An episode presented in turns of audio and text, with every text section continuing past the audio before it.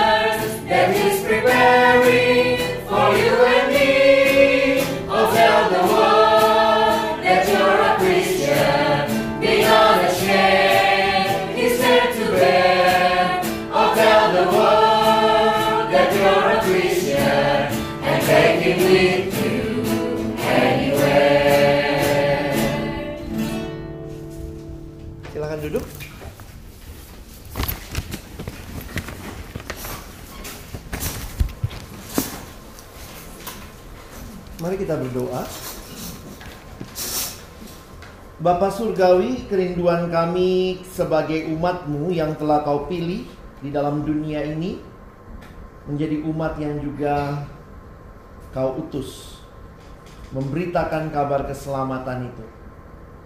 Waktu selanjutnya kami serahkan dalam tanganmu Tuhan yang memimpin GCLC pertemuan yang kedua ini. Berkati hambamu yang menyampaikan materi Setiap kami yang mendengarkan dan juga interaksi di antara kami. Tuhan yang kiranya menolong Menyerahkan waktu ke depan dalam nama Yesus kami berdoa Amin Shalom Malam teman-teman Saya harap semuanya sehat-sehat ini apa persembahan? Ada yang mau kasih HP-nya lagi?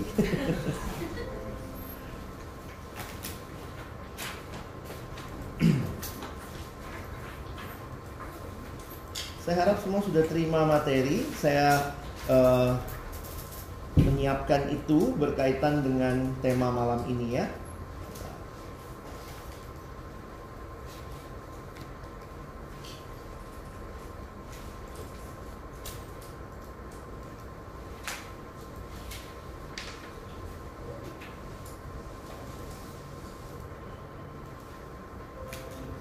Thank you buat teman-teman yang sudah bikin tugas. Dan kalau belum nggak apa-apa juga, nggak berdosa ya. Itu berguna buat teman-teman sendiri sebenarnya ya. Baik, malam hari ini oh ketutupan saya ya.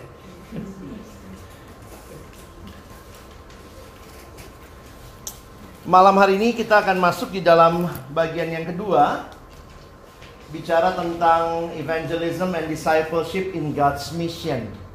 Kenapa ini jadi hal yang saya angkat? Karena saya ingin mengajak kita sebagai alumni terus memikirkan juga evangelism and discipleship. Ada sedikit kerancuan yang saya pikir di dalam konsep yang sering kali kita miliki.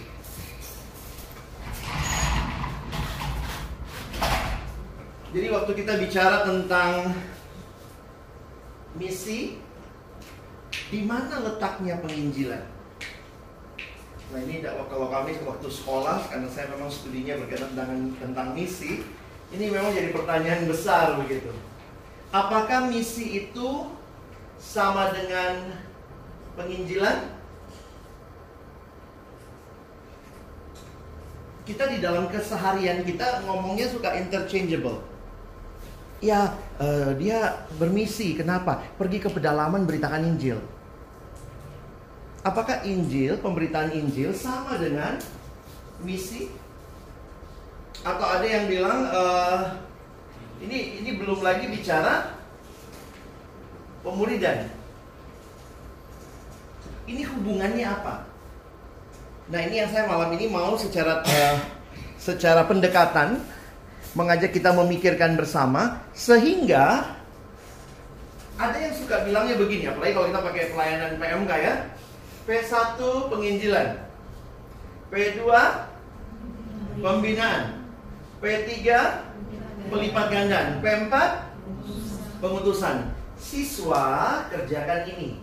Ini siswa.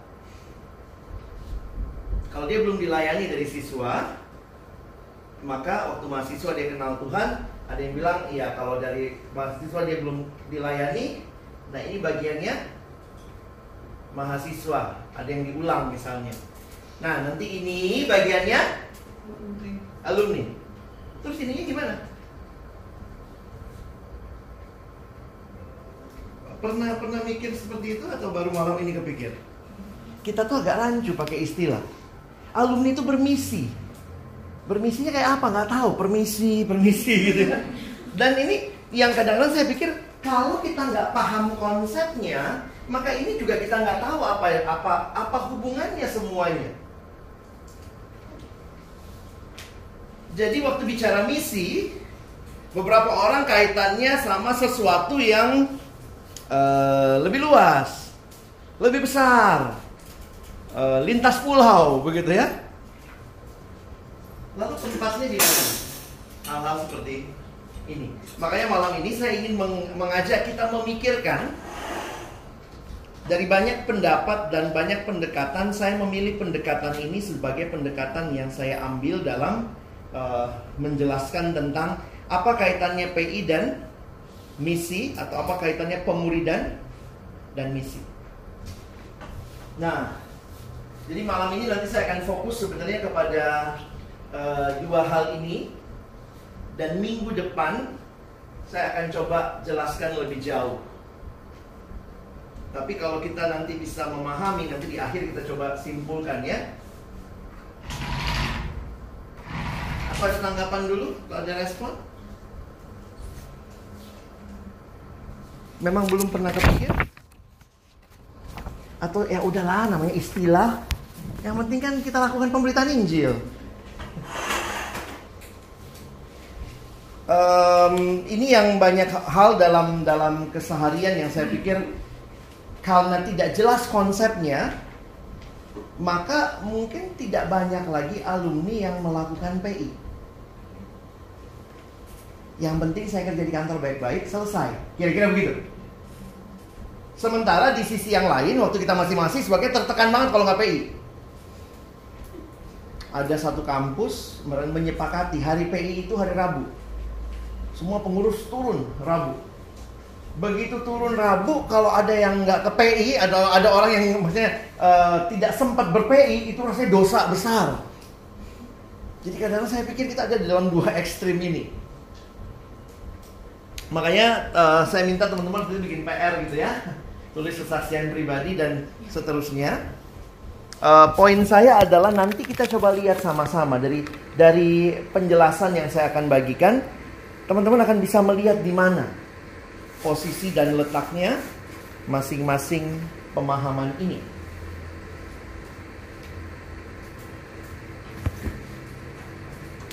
Kita mulai dulu dengan melihat yang minggu lalu saya coba uh, ajak kita pikirin lagi. Our mission is not only divine but what by what we do but by who we are in Christ. Ini tesis saya dalam pertemuan pertama minggu lalu. Kita membahas bagaimana uh, terlebih utama misi itu bicara keberadaan kita. Your identity linked with mission. Jadi mission, the Bible is actually about mission and everything in our church should be about mission. Apa yang dimaksud dengan hal ini? Kadang-kadang kalau kita memang tidak bisa melihat dengan tepat, maka gereja nanti akan hadir cenderung sektarian hanya untuk hal tertentu. Tapi kalau kita bisa memahami secara lebih utuh seperti ini, akan jauh lebih baik. Makanya konsep keduanya yang penting juga soal holistik. Kita suka berantem, mana lebih penting? Penginjilan atau melakukan perbuatan baik? Dan beberapa kali di dalam diskusi-diskusi sampai hari ini, dalam banyak buku-buku, itu masih terus didiskusikan. Ada yang bilang cukup dengan kata-kata. Makanya ketemu orang di bus langsung tanya, kalau mati yakin nggak masuk surga? Dan itu kayak penting banget kata-katanya. Yang satu sibuk dengan yang penting perbuatan saya. Jadi holistik harusnya pendekatan kita. The word and deed, evangelism and justice are all part of gospel mission. Nah, ada satu pendekatan yang mungkin kita sudah kenal juga, yaitu pendekatan creation, fall, redemption, consummation. Nah, pendekatan ini biasa dipakai istilah the big story of the Bible. Jadi pendekatan big story of the Bible ini menyatakan begini. Kalau kita perhatikan Alkitab ini, sebenarnya bukan hanya ada kumpulan cerita. Tetapi yang menarik adalah dari awal sampai akhir, kalau diperes Alkitab ini ternyata ada empat babak cerita. Penciptaan, kejatuhan manusia dalam dosa, penebusan, dan juga Tuhan Yesus akan memulihkan kembali. Maka ini disebut sebagai pendekatan the big story of the Bible, melihat Alkitab sebagai sebuah drama empat babak. Dan dia mengkaitkan dengan Allah yang mendirikan kerajaannya. Itu pembahasan saya minggu depan. Saya akan nanti lebih banyak fokus ke sana minggu depan. Jadi, dia menggunakan pendekatan ini. Allah mendirikan kerajaannya. Lalu kemudian terjadi pemberontakan dalam kerajaan itu. Lalu perhatikan babak ketiga ada pembagian yang lebih spesifik. Penebusan dimulai, sang raja memulainya sejak perjanjian lama memilih Israel. Lalu sang raja datang sendiri 2000 tahun yang lalu, bentar lagi kita Natal dan dia balik ke surga. Dia memberi pesan kita untuk memperluas kerajaannya. Pergi, jadikanlah semua bangsa muridku. Dan dia berjanji ada pembaharuan, glorification, satu waktu nanti dia akan datang kembali. Nah, pendekatan ini banyak dipakai oleh para teolog. Salah satu yang terkenal di kaum Injili adalah John Stott. Lalu dari sisi inilah dia misalnya membuat atau kerangka berpikir Kristiani atau disebut sebagai Christian world view. Jadi dia harus mengatakan bahwa setiap hal kita tempatkan ini kerangka pikirnya. Mulai kita selalu lihat penciptaan. Dia pakai pendekatan penciptaan itu apa? Yang baik. Waktu diciptakan yang baik. Kalau ini yang baik. Ini yang fall, yang jahat. Redemptionnya yang dibaharui. Consummation nanti yang sempurna. Kalau teman-teman pernah baca buku John Stott Isu Global, ini pendekatannya dia.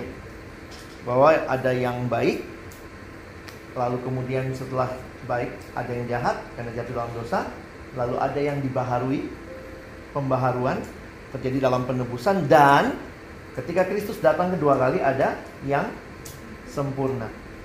Jadi kita bisa mem- memakai kerangka ini untuk berpikir tentang apa pun isu yang ada dalam dunia. Nah, dalam satu buku ya, baterainya low. Ini baterainya mesti colok ke mana? Ini colok ya? Oh belum kenyang.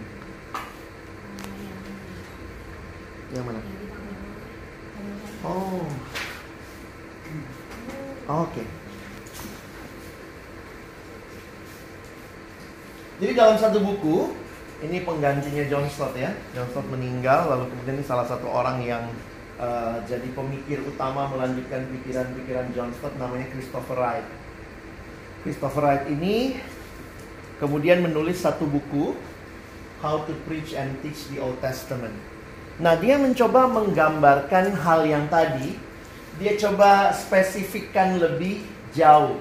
Dia melihatnya dalam drama 6 babak.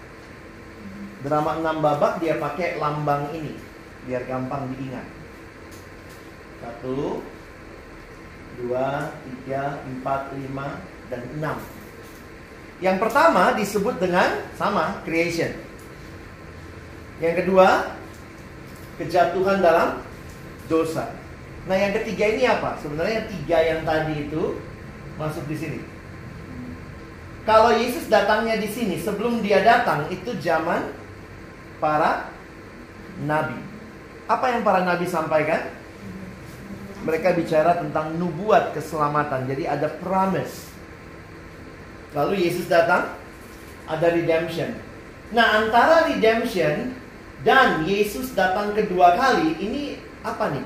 Kan Yesus sudah balik ke surga. Lalu kita jadi orang-orang yang melanjutkannya. Nah, dia mengatakan, nah ini yang bagi saya menarik ya, ini adalah mission. Dan terakhir dia pakai pendekatan yang menarik, dia bilang masalahnya new creation. Bahwa apa yang hilang dan rusak di dalam dosa akan Allah pulihkan di dalam dunia yang akan datang.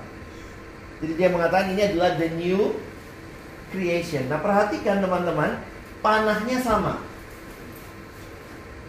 Jadi memang pendekatan new creation ini menolong kita melihat surga itu bukan cuma sesuatu yang kita kalau kalau mikir surga itu di sana.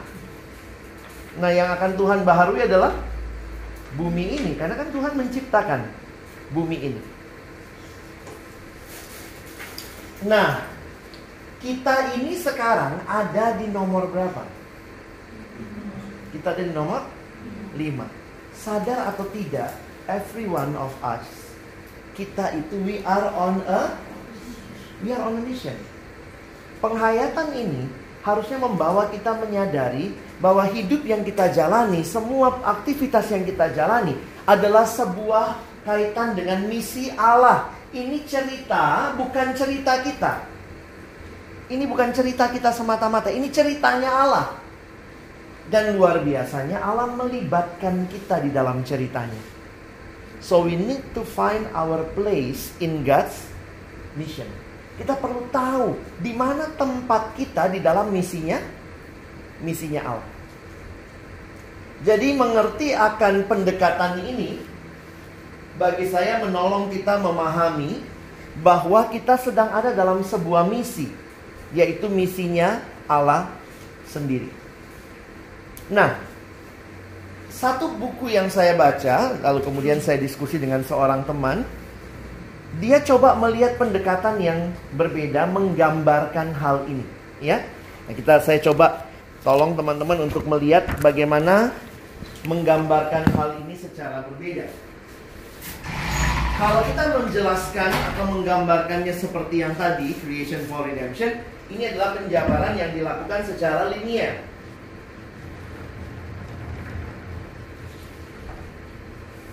Seorang dosen di Regent College namanya John Stackhouse.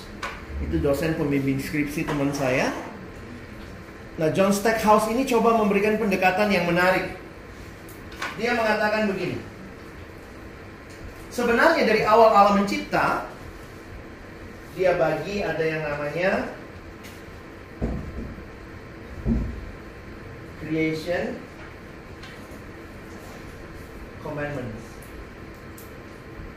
Yang kedua.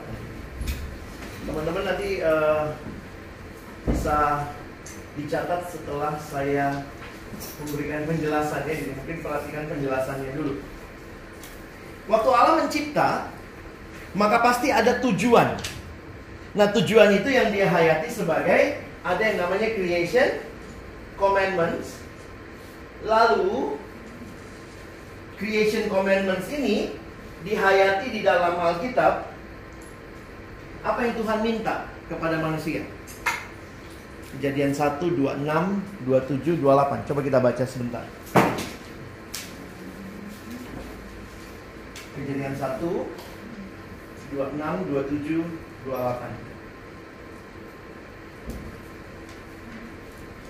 Pria 26, wanita 27, kita sama-sama 28 ya. Silakan pria dulu, kami dicipta lebih dulu ya. Satu dua, iya. Berfirmanlah Allah, baiklah kita menjadikan manusia menurut gambar dan rupa kita, supaya mereka berkuasa atas ikan di laut dan burung-burung di udara, dan atas ternak, dan atas seluruh bumi, dan atas segala binatang melata yang merayap di bumi. Allah menciptakan manusia itu menurut gambarnya, menurut gambar Allah menciptakannya dia, laki-laki dan perempuan diciptakannya mereka. Sama-sama. Allah mendekati mereka lalu Allah bumi.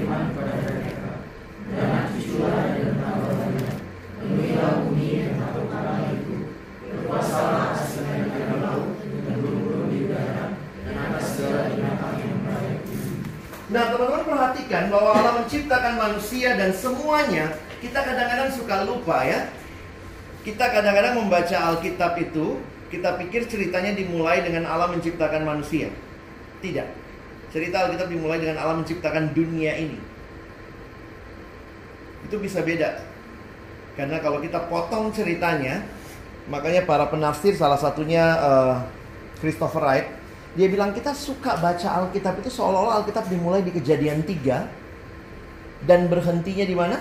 Berhentinya di Wahyu 20. Padahal wahyunya atau kejadian itu ada ayat 1 dan 2.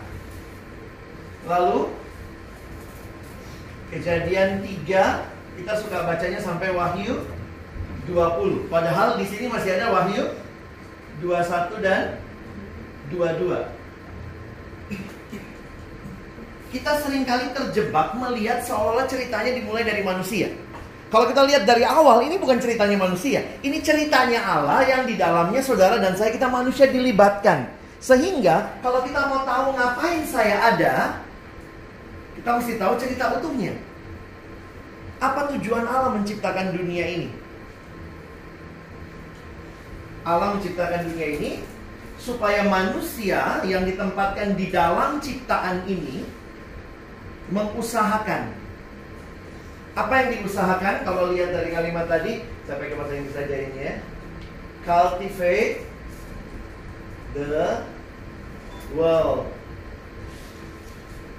Ini sebenarnya tujuan Allah. Bagaimana dalam konteks kita hadir di dunia, kita mengusahakan dunia ini.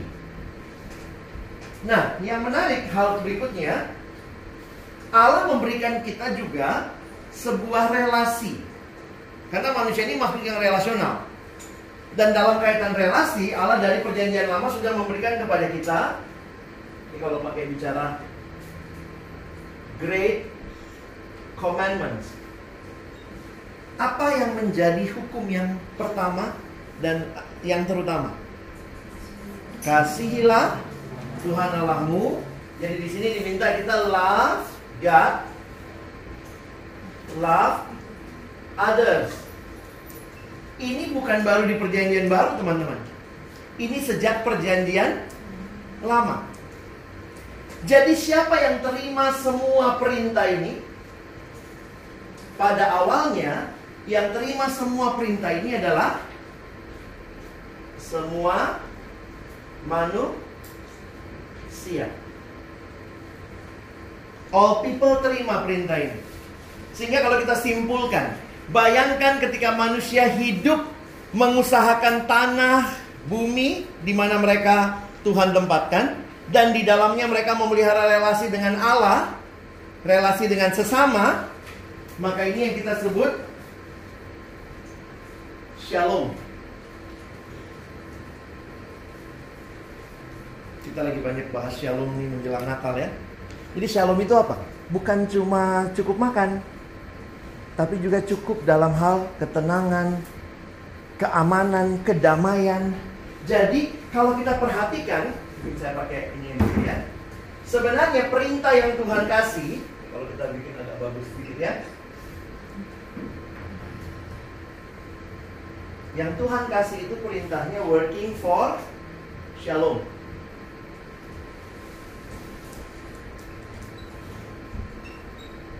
Ini yang disebut semua manusia dapat, ini yang kita sebut sebagai mandat budaya. Cultural mandate. Working for shalom. Saya lihat ya.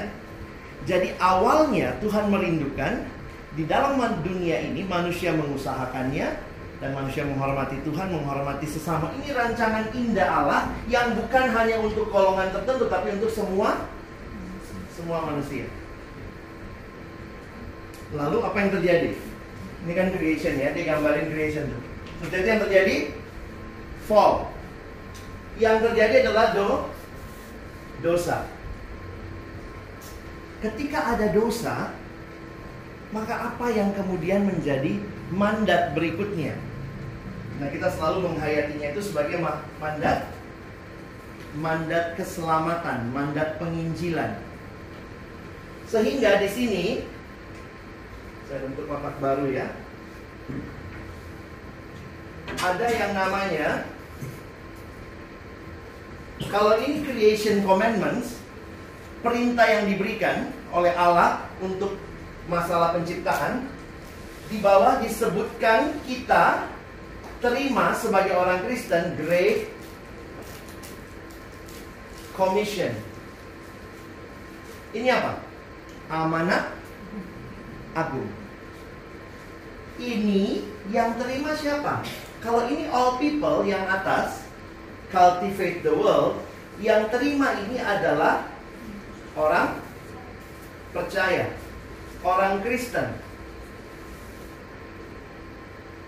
Jadi kalau teman-teman perhatikan ceritanya Allah waktu dunia miliknya rusak, siapa yang dia pilih?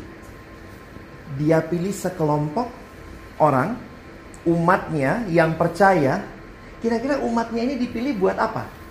Ini kalau kita lihat ceritanya ya, kadang-kadang kita pikir kita dipilih untuk masuk surga. Benar sih, tapi jangan lupa we are on a mission. So what is our mission? Great Commission Makanya kalau di Alkitab itu amanat agung itu bahasa Inggrisnya Great Commission Terus ya kasihlah Tuhan Allahmu, kasihlah selamamu namanya apa? Itu namanya sama ya Great Commandments Tapi perhatikan bedanya yang lama sama yang baru Di dalam Luka, sorry, Yohanes 13 Yesus bilang, saya tidak memberikan perintah Saya memberikan sekarang kepadamu perintah yang baru. Jadi di sini namanya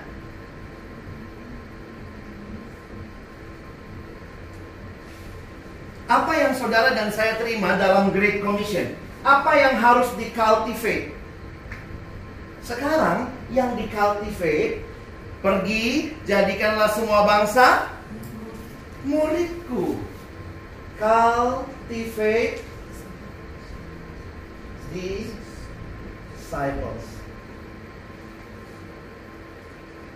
Bagaimana caranya cultivate disciples? Evangelism Lalu Disciples Disciples ini Great Commission, amanat yang agung, tidak diterima oleh semua orang, diterima oleh orang Kristen, Christians gitu ya. Nah, New Commandment-nya apa? Coba lihat Luka eh, Yohanes uh, 13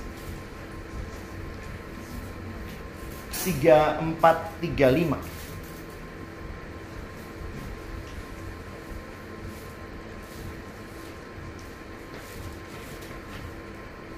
Yuk kita baca. Yohanes 13 ayat 34 dan 35. Satu dua ayat. Aku memberikan kamu kepada kamu, yaitu supaya kamu saling mengasihi, sama seperti aku telah mengasihi kamu. Demikian pula kamu harus saling mengasihi. Dengan demikian semua orang akan tahu bahwa kamu adalah murid-muridku, yaitu jikalau kamu saling mengasihi. Saya mau tanya, sama nggak sama ini? Bedanya di mana? Di kata saling. Salingnya kenapa emang? Kalau ini apa bedanya? Kasihnya Allah, kasih sesama. Kalau di sini? Di antara siapa? Di antara orang Kristen. Jadi ini particularly among believers. Ini yang kita sebut sebagai salvation mandates.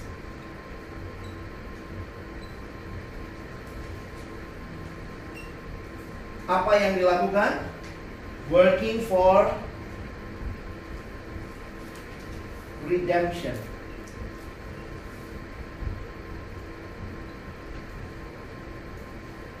Nah, teman-teman coba perhatikan ya. Working for redemption. Jadi, pertanyaan saya begini. Kalau tidak ada dosa, sebenarnya yang mana ceritanya Tuhan? Kalau nggak ada dosa, cuma ini ceritanya, yang atas. Itu yang Tuhan mau. Itu yang Tuhan ingin bentuk. Itu yang Tuhan sedang ciptakan. Sekarang pertanyaannya, ketika kita dipilih, ada murid dihasilkan. Ketika kita saling mengasihi di antara kita, apakah kita saling mengasihi di antara kita supaya jadi eksklusif? Kira-kira ke mana arahnya pemuridan? Harusnya ke mana?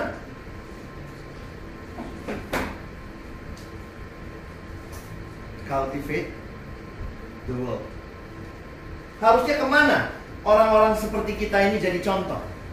Di dalam dunia.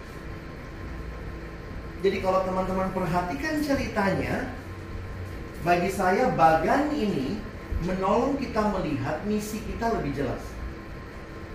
Sehingga kalau kita perhatikan, sebenarnya kekristenan punya misi apa? Hasilkan murid. Dan murid-murid itulah yang akan berkarya di dalam dunia. Kalau gereja mau fokus, gereja bukan seperti dunia. Gereja harus fokus kepada tugasnya menghasilkan murid. Nah, diagram ini atau gambar ini sebenarnya di sini ada ya. Cuman saya coba berikan seperti itu supaya teman-teman tahu cara gambarnya gitu ya. Karena agak sulit dijelaskan kalau tidak mengerti gambarnya. Cultivate the world That is cultural mandate working for Shalom. Ini all people yang dapat. Creation commandments, cultivate the world, great commandments, love God, love others as yourself. Tetapi ketika dosa masuk, maka kita dapat salvation mandates. Great Commission. Ini new commandments. Love God, love self, uh, others as yourself. Tapi perhatikan kalimat Yesus tadi supaya dengan demikian orang akan tahu kamu muridku. Jadi Tuhan membaharui terlebih dahulu kasih kepada Allah dan sesama di dalam di dalam tubuh Kristus. Dan itu yang harusnya ketika terjadi dengan benar harusnya murid-murid itu tidak berhenti pada pemuridan, tidak berhenti pada penginjilan, tetapi setiap orang yang sudah diinjili dan jadi murid akan berkarya di dunia milik milik Allah. Jadi di mana letaknya penginjilan dan pemuridan dalam misi Allah? Yang mana himpunan semesta, yang mana himpunan bagian? Semestanya adalah kalau kita pakai bahasa tadi, misi dan PI. Hubungannya yang mana himpunan semesta, yang mana himpunan bagian? Misi semestanya. Jadi, kalau dikatakan misi adalah penginjilan terlalu sempit. Karena misi lebih luas daripada sekedar penginjilan. Tetapi penginjilan adalah bagian di dalam rangka misi Allah yang besar. Karena itu kalau saudara dan saya mau berbagian di dalam misi Allah, khususnya kita apalagi orang Kristen, kita harusnya tidak pernah berhenti menginjili dan memuridkan. Banyak alumni yang katanya sekarang sudah sibuk dengan hidupnya, berhenti menginjili, berhenti memuridkan. Karena apa? Itu kan P1, P2, P3 kampus. Harusnya kita masih berkobar-kobar sebagai umat Allah yang menerima mandat ini terus memberitakan Injil, terus memuridkan. Mungkin yang paling sederhana kalau saudara mungkin punya keluarga yang memuridkan anakmu, memuridkan rumah tanggamu. Tetapi lebih daripada itu, saya pikir gereja Tuhan butuh banyak orang yang masuk ke dalamnya dan kemudian di situ kita berkarya, memuridkan, kita berkarya, memberitakan Injil. Kenapa? Banyak juga orang terhilang di gereja. Nggak kenal sungguh-sungguh siapa Tuhan. Dan di tengah-tengah pekerjaan kita, saya agak takut ke evangelism and discipleship itu kayak memori masa lalu kita, nostalgia kita di PMK. Banyak alumni mungkin yang sudah begitu sibuk dengan hidupnya, sampai-sampai lupa bahwa panggilan utamanya adalah memberitakan Injil dan memuridkan. Saya boleh dapat respon atau ada yang mau tanya? Silakan. Berarti kan kalau misalnya kita kan sebagai orang Kristen berarti nggak berhenti sampai di cultivate disciples. Iya. Tapi kita memuridkan agar orang-orang yang sudah Kristen yang sudah dimuridkan tersebut kemudian cultivate the world gitu Hmm. kan ini. Pada Nah. akhirnya. Iya, kalau misalnya hmm, kayaknya tadi soal kasus yang abang bilang tadi itu, kalau saya banyak orang dia merasa kayak "Ya udah. Berarti mereka berasa bahwa ya udah bagian saya sekarang adalah ya working for shalom aja gitu. Jadi saya berusaha untuk menghadirkan shalom di dalam lingkungan saya saja gitu. Nggak perlu nggak bukan nggak perlu sih tapi kayak ya mungkin bagian untuk cultivate disciple-nya itu udah lewat lah dalam. Nah gimana caranya yang kaum hal tersebut kayak ya kita harus memuridkan seumur hidup gitu tapi kayak itu susah gitu bang untuk masuk ya. Karena itulah ada GCLC. Sulit, makanya saya tadi bilang gini ya teman-teman, ya, saya saya memang agak lumayan pesimis waktu dapat tujuan dari panitia dan pergumulan saya pribadi. Kayaknya kita ngelihatnya kalau sudah working for Shalom and then I forgot this. Apalagi kan kita sudah berkarya di tempat-tempat yang strategis mungkin di situ kita jadi dampak besar. Tetapi jangan-jangan kita melupakan bahwa di tempat itu pun at the same time, nah saya harus katakan beginilah. Saya mengerti realita kalau ketika kita sudah makin sibuk, makin banyak hal yang kita ambil, akhirnya ada prioritas. Kalau bicara ada priority, oke. Somehow saya understand lah, saya bisa ngerti. Tapi kalau sampai akhirnya tidak ada sama sekali, bagi saya itu menyedihkan. Karena itu saya masih bersyukur melihat alumni-alumni demi pemuridan, demi penginjilan, memberi diri di gereja jadi pengurus. Memberi diri di gereja, misalnya, atau di dalam persekutuan, jadi panitia. Memberi diri. Jadi, karena apa ya, betul ya teman-teman, kalau kita memang udah sibuk di pekerjaan, tapi kemudian banyak yang bilang begini, kan pekerjaan saya juga pelayanan. Hey, please, kalau di pekerjaanmu kau bisa PI dan discipleship lebih baik, go for it. Tapi realitanya, kalau saya pekerjaan saya di sini. Pekerjaan saya memang di sini, kira-kira begitu ya. Sehingga saya harus prioritas saya lagi di sini, saya harus tetap ingat, saya harus cultivate the world. Kadang-kadang saya bergumul juga gitu ya. Misalnya kayak uh, sis kamling deket rumah, kan itu susah juga ikut gitu ya. Itu kan I have to effort, I have effort for that gitu. Karena itu bagian dari cultivate the world juga. Tapi memang realitanya kadang-kadang kita suka lupa ininya, kita pikir itu memori waktu di kampus. Sekarang saya sudah jadi murid yang ada di pekerjaan. Makanya kalau kita mendorong nih ya, terus memuridkan.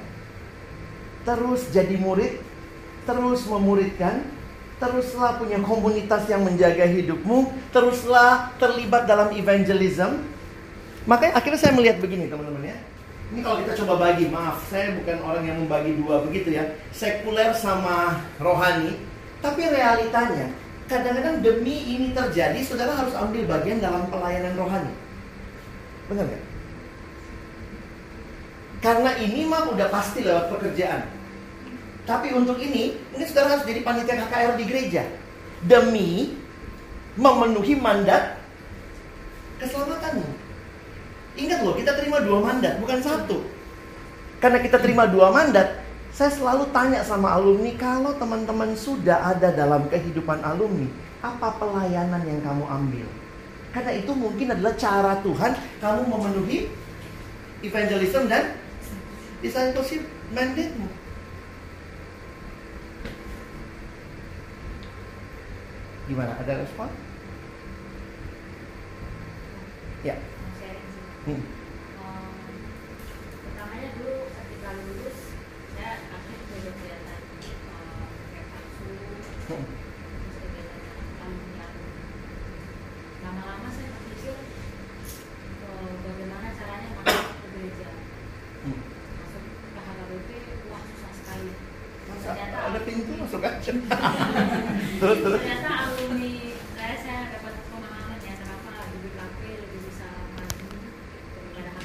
嗯。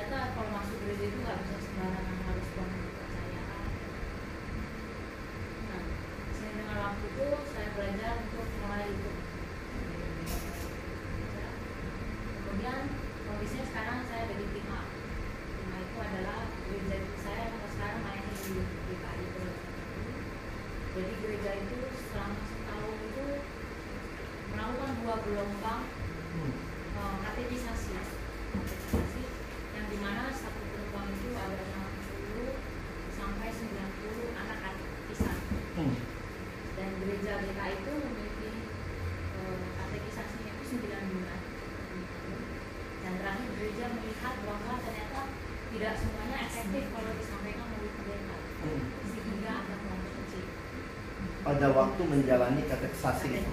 Cuman di Bandasi satu pertemuan. Oh, oke. Okay. Dan ada TPK-nya. PKK-nya itu satu PKK itu PKK kartu kalau nggak mau. Dijali, dijali. Nah, ketika selesai kategorisasi itu banyak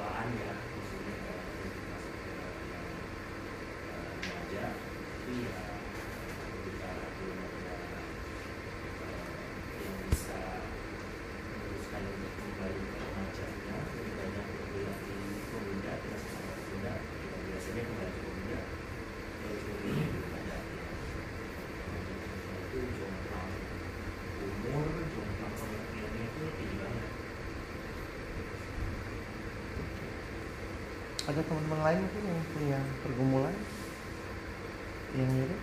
saya nggak ada pertemuan jadi waktu beli di gereja saya karena di Jakarta juga udah pelayanan di gereja terus melayani sekian lama terus sekarang kondisinya malah akhirnya udah melayani di gereja lagi karena hmm, banyak hal sih sebenarnya tapi salah satu pertimbangannya memang sepertinya memang perlu mengambil waktu tiga saya bukan pembenaran sih tapi Hmm. ya jadi kayak masuk ke pemuda gereja gitu bang terus pemudanya juga dulu nah, aku udah tujuh tahun lah di situ ganti ganti ganti pelay ganti ganti periode tapi tetap terus jadi bagian mulai dari acara terus eh, psikoannya terus jadi si pemimpin suaranya tapi ngerasa kayaknya eh, akhirnya malah ke belakang makin ngerasa kayak itu beban dan kayak terlalu berat untuk aku jalanin karena kayak sendirian dan kayak nyeret nyeret lah nyeret diri sendiri nyeret orang-orang kayak belum putuskan untuk break gitu dan memang sebenarnya kayak gak enak sih sebenarnya bukan karena dulu udah pernah pelayan tapi karena udah sadar juga sih kayak jadi kayak udah sedikit kejar gitu ya kan udah selesai dari udah jadi alumni udah tapi ya berusaha jadi kompensasinya adalah bukan kompen- ya semacam berusaha untuk mengkompensasi dengan mengambil pelayanan di luar gereja saya kayak bukan pantas atau masih terus jadi pelayanan gitu sih Biasanya untuk salvation mandate, karena salvation mandate itu kan logikanya Tuhan minta pergi jadikan semua bangsa muridku. Lalu teman-teman kan berdalih, saya kan kerja Tuhan. Bisa dong saya di tempat kerja. Sebenarnya bisa juga. Tapi kita intentionally ya nggak ya di tempat kerja melakukan penginjilan dan pemuridan. Ini kita mesti coba gumulkan juga. Jangan-jangan kita nggak intentionally juga di situ. Padahal itu ladang misi kita. Di mana waktu saudara paling banyak habis? Selain di rumahmu. Ya di kantor. Jadi sebenarnya di situ ladang misinya kita. Tapi memang realitanya akhirnya kan kita menga- mengambil oke lah ya untuk tanda kutip kalau pakai istilahnya Lydia tadi ya untuk kompensasi kita membenarkan diri maka bagi saya juga tidak salah kita bagaimana kita ambil pelayanan yang hubungannya langsung ketemu orang ya paling jelas di gereja jadi panitia apa, ngurusin apa, jadi pemimpin kelompok, jadi ngurusin acara supaya ada orang-orang melalui pelayanan kita apa yang kita dapat mereka boleh berjumpa dengan Tuhan. Nah kalau di gereja nggak bisa ya itu di lembaga kayak perkantas gitu ya teman-teman melayani. Nah tapi memang kan ini juga terbatas ya. Saya pikir tempat akhir kita semua di gereja ya. Nah, waktu kita ada di gereja, ini kira-kira kalau teman-teman bisa memahami misi dengan utuh nih, kalau saudara ada di gereja, fokus kita ngapain? Hasilkan murid. Nah, mungkin kita agak sedikit juga dibangun dengan paradigma yang bisa benar bisa mengungkung kita. Ini orang-orang yang dibina di perkantas ini selalu poinnya adalah pemuridan equal Enggak. Pemuridan itu bukan hanya kakak. One to one bisa? Bisa. Memang pergumulan tadi ya kalau bilang, aduh kita susah sekali menyangkau generasi ini. Teman-teman gini loh, saya saya karena memang sangat passionate buat generasi ini bukan karena saya staff siswa gitu ya. Tapi kalau kita give up sama generasi ini, yang ngelanjutin gereja siapa? Kalau teman-teman sudah give up melayani generasi ini, nanti punya anak lebih up lagi loh. Kenapa? Kalau yang sekarang kita bisa dilayani, apalagi anak kita nanti. Yang mungkin usianya jauh-jauh lebih muda. Never give up on this generation. Nah tentu gimana caranya saudara bisa lakukan. Paling baik memang dengan seumuran, tapi ya seumuran mungkin juga kita mungkin bentuk KTB dan seterusnya. Tapi sering kali nih saya lihat nih alumni-alumni ada di mana-mana, mungkin karena diajarin di perkantas ya, ke mana-mana cari kakak, cari KTB. Lalu kemudian kalau ya ngantri lah di PAKJ minta KTB, sementara PAKJ susah banget cari pemimpin KTB, sedikit banget yang mau, sedikit alumni yang mau kasih dirinya sebulan sekali. Sekarang pertanyaannya begini, terus nggak jadi murid? Oh banyak orang yang nyalahin loh. Iya, saya soalnya di Jakarta setahun nggak dapat KTB dari PAKJ, makanya saya terhilang. Iya, yang hilang nyalain nggak dapat KTB. Kenapa? Karena memang konsepnya selalu harus lewat kelompok. Saya pikir hati-hati loh. Jadi pola pikir kita membuat kita juga merasa harus punya kelompok. Oke, kalau bisa punya kelompok, tapi kalau nggak bisa punya kelompok, jangan-jangan Tuhan memang izinkan ya kita ketemu lah mentor bantuan. Paulus Timotius itu wantuan ya. Siapa teman kelompoknya Timotius? Ada yang bisa kasih data sama saya? Kenapa kita kalau bicara pemuridan langsung equal kelompok kecil? Bahkan uniknya begini, kita selalu maunya kita yang dipimpin. Jadi banyak orang lulusan dari, maksudnya bukan lulusan perkan, dibina di perkantas sibuknya nyari kelompok yang dia dipimpin.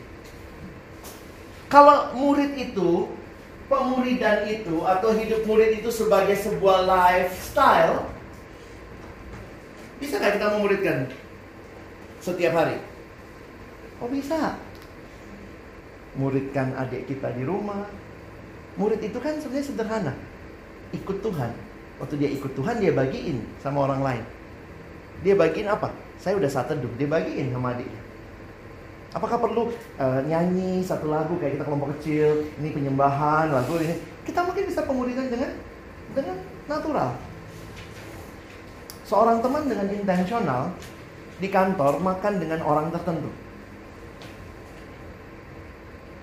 Jadi karena dia tahu life is a mission dan my my field setiap hari ada di kantor.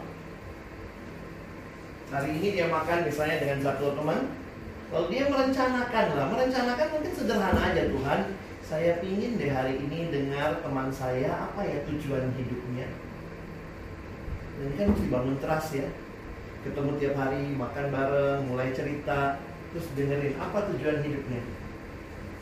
Nah minggu depan mikir gimana caranya saya mau ceritain tujuan hidup saya. Tujuan hidup saya seperti apa, bagaimana perubahan yang saya alami. Makanya saya minta teman-teman bikin kesaksianmu. Tidak ada dari kita yang punya hidup masa lalu yang baik. Every saints have a past. But every sinners have a future. Punya masa depan. Sehingga kita bisa ceritain nih. Ya.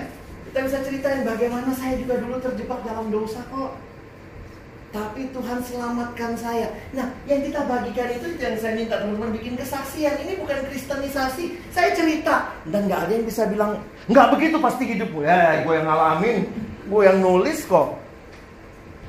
Nah, kalau kita bisa bawa itu, maka ya kalau sekarang misalnya Kak Tadius Gunadi itu kan mengembangkan discipleship in the workplace. Jadi discipleship in the workplace mungkin bentuknya bukan kayak di PMK. Kumpul semua, nyanyi satu lagu, silakan sharing bergiliran. Tapi makan siang can be a discipleship time. Dengan orang yang tidak percaya. Mungkin kau bilang, tapi itu masa nggak kayaknya. Tapi itulah hidup itu yang dibagikan. Makanya saya makin melihat evangelism and discipleship sebagai bagian dalam kita melayani misi Allah di dalamnya saudara dan saya hadir di mana mari lakukan itu. Kadang-kadang kita suka melihatnya uh, karena semua itu terprogram sih ya. Kelompok kecil kita ada liturginya. Ini ada ininya. Sehingga kita hadir di kantor, hari ini saya ngomong sama bos, doalah dalam hati mungkin kayak Nehemia. Tuhan saya pengen cerita deh. Satu hal. Mungkin karena pergumulan lalu muka kita ikutan ya. Kenapa mukamu murung? Wah, kalau bos tanya begitu kan?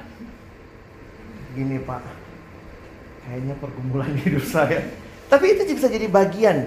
Dan kembali lagi teman-teman ingat, kita punya masa lalu, kita punya titik perjumpaan dengan Kristus, dan kita punya masa depan.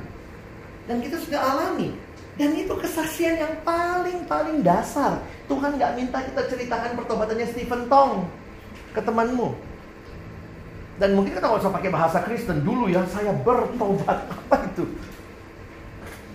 Nah makanya saya senang dengan beberapa metode penginjilan yang mencoba membangun dari kesak kesaksian.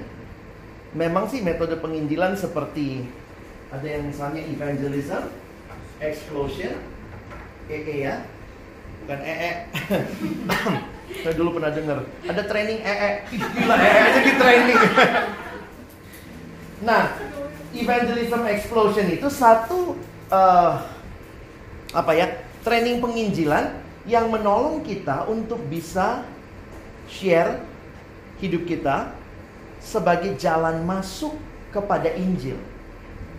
Makanya saya senang dengan pendekatan evangelism explosion itu dan setiap orang yang mau mengikuti pelatihan evangelism explosion wajib membuat kesaksian pribadi. Kenapa?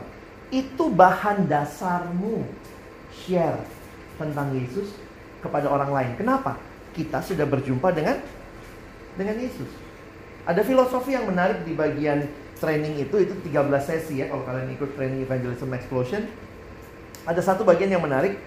Dia mengatakan begini, kita nggak bisa maksa kuda minum air dengan cara kepalanya kuda digini-giniin ke air gitu ya. Kalau gitu kuda bakal menendang kita. Caranya supaya kuda itu mau minum air, taruh tablet garam. Saya juga nggak tahu bentuknya gimana nanti cari ya. Tablet garam itu kalau ditaruh di bibirnya kuda, nanti lama-lama kering, lama-lama haus, nanti dia akan minum sendiri. Nah, itu jadi cara masuk dalam metode evangelism explosion. Jadi saya pikir juga kalau di dalam hidup kita bisa kita bisa terapkan itu secara sederhana. Maksudnya begini loh. Perubahan hidup yang saya alami karena perjumpaan saya dengan Kristus harusnya membuat orang di sekitar saya melihat dan akhirnya pun mau bertanya, "Lu kok bisa sih seperti itu?" Nah, jadi contoh sederhananya begini ya. Memang kalau EE kan dia punya dua kalau teman-teman ikut EE itu tandanya EE itu dua tanda tanda tanya. Eh sorry. Itunya uh, apa? Logonya mereka dua tanda tanya. Karena ini dua pertanyaan diagnosa. Memang pertanyaannya agak sedikit kurang kontekstual untuk Asia ya. Misalnya kita tanya, kalau seandainya meninggal dunia malam ini, yakin nggak masuk surga? kalau kayak gitu di Asia ini kalau kita ngomong sama yang lebih tua, uh, menurut kamu mau masuk surga?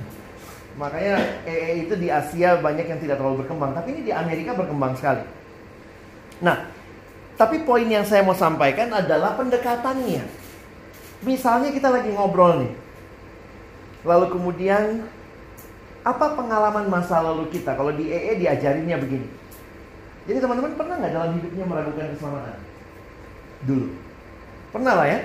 Terus kenapa sekarang begitu yakin? Karena udah ketemu Yesus, udah dapat pembinaan.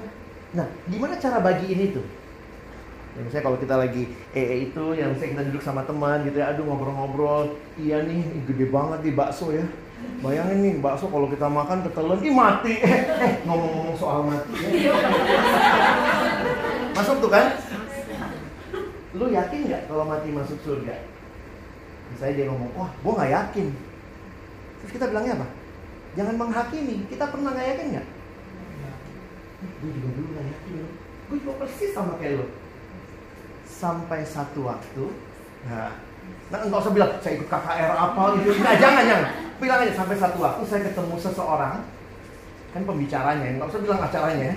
Saya ketemu seseorang yang jelaskan kepada saya dan sejak hari itu, kapan pun saya mati, saya yakin saya pasti masuk surga. Nah, tablet garam biarkan bekerja. Dia pasti bilang, gila. Oh, dia kayak gue juga, tapi sekarang udah yakin banget. Nah, kalau udah bekerja tuh sambil makan terus dia oh, gitu. Eh, boleh nggak saya cerita kenapa saya bisa begitu yakin? Terus kalau dia bilang boleh, nah saya cerita. Eh lu ini ya kristenisasi oh enggak saya cerita kan saya tanya tadi boleh nggak saya cerita kamu bilang boleh ini saya cerita nih jadi bagi saya pendekatan itu menarik kita tidak memaksa tapi kita memancing orang untuk nah pertanyaannya gini teman-teman hidup kita yang lama itu kayak apa sih hidup tanpa tujuan hidup, hidup yang tiap kali cemas, hidup yang mungkin dibelenggu pornografi, hidup yang dibelenggu masalah keluarga. Tapi sekarang mungkin masalah keluarganya masih ada, tapi cara kita bersikap sudah beda. Waktu kita hadir, hidupmu dan hidupku adalah sebuah kesempatan penginjilan. Waktu kita duduk sama teman kita makan siang, dia cerita pergumulan keluarganya. Mungkin kita dengar, kita bilang iya ya. Gue persis sama kayak lo juga. Tapi sekarang gue sudah makin yakin bahwa semua ini ada Tuhan yang mengatur, Tuhan yang hadir. Kita bisa cari cara, kita bisa bangkitkan kerinduan dia untuk mendengar cerita kita. Kita nggak sedang cerita penginjil yang ke Tanah Batak 2000 tahun eh, tan, eh opung sini no mention. Kita lagi cerita hidup kita kok. Dan teman-teman saya waktu baca kalian tulis itu saya pikir wow, ini semua opportunity penginjilan. Karena semua hidup lamamu dan hidup lamaku itulah hidup orang-orang yang gak kenal Tuhan. Di mana kita hadir? Jangan bilang Tuhan, saya mesti ke gereja. Bener sih, silakan ambil pelayanan di gereja. Silakan ambil pelayanan di lembaga. Tapi your life is a witness. Apa, apa yang Tuhan kerjakan. Makanya saya bilang, kalau teman-teman tulis, mungkin waktu tulis jadi ingat juga, iya ya, gue dulu gini ya. Iya ya, gue dulu orangnya ragu banget. Gue orangnya egois sekali. Dan perubahan-perubahan itu dunia tidak baca Alkitab langsung, dunia baca hidup kita. Kita nggak bisa langsung bilang bacalah Alkitab luar biasa, hidupnya Daud ya. Dia akan lihat dulu hidupnya. Karena itu kalau teman-teman dan saya memang mengalami perubahan hidup, then they will know. Jadi kita nggak usah lagi jadi orang yang sibuk mencari ladang penginjilan, tapi di tempat kita hadir. Nah pada saat yang sama, ya mungkin tetap membangun realita pelayanan di gereja, karena itu semua dalam kaitan kaitan ini. Tapi jangan-jangan kita memang cuma IO penginjilan ya, kita gak jagonya gitu ya, bikin KKR, kita IO-nya. Nanti yang KKR minta Bang Alex gitu ya. Tapi saya yang nyiapin semuanya. Nanti KKR-nya minta Bang Mangapul. Nah, jangan lama kita cuma jadi IO. Waktu kita berdua sendiri lagi ngomong, kita nggak bisa menginjili. Kenapa? Kita merasa saya nggak bisa. Mungkin belum sampai ke situ. Tapi tahap awal Tuhan sedang pakai hidup saudara untuk membuka percakapan-percakapan mendalam tentang hidup. Yang mungkin kita bisa follow up dengan apa? Lu mau tahu lebih jauh? Nanti dengar kaset khotbah ya, kita kasih kayak kaset khotbah. Saya nggak bisa jelasin, saya agak susah ngomongnya. Oh, ada buku rohani. Dan mungkin kalau kita agak takut sama yang langsung beda keyakinan, kita coba dulu dong dengan teman-teman yang Kristen yang tanda kutip mungkin juga dalam hidupnya Kristen penuh kebimbangan, Kristen penuh keraguan, Kristen penuh kebencian. Kita yang dulunya juga sama. Tuhan ubahkan. Nah memang ini teorinya gampang diomongin ya. Realitanya susah gitu. Bisa jadi 15 menit kita ngomongin film Korea, drama Korea. Tapi nggak ada kebenaran di situ ya. Yang ada cuma romantisme hayalan dengan semua itu. Nah saya kasih kesempatan kalau ada yang mau tanya. Jangan. Ya.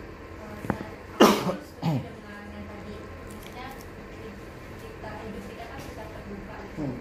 Uh, dan aku pernah mengalami masa itu jadi uh, pasienku itu kan 98% etnis Tionghoa dan Buddha terus sampai pada suatu momen memang aku selalu mendoakan mereka Tuhan kasih Hmm. kesempatan aku bisa memperkenalkan mereka karena kalau dengan ajaran Buddha itu miris Hmm. sehingga mereka tuh 50-50 antara uh, hidup gue aman atau enggak kayak gitu terus kayak masih seimbang terus sampai pada satu momen Tuhan kasih uh, kesempatan aku cerita tentang hidupku gitu ke salah satu parents uh, pasienku Uh, sampai dia bilang gitu uh, nilai-nilai hidup yang dia yakini itu sebenarnya nilai-nilai kita Hmm.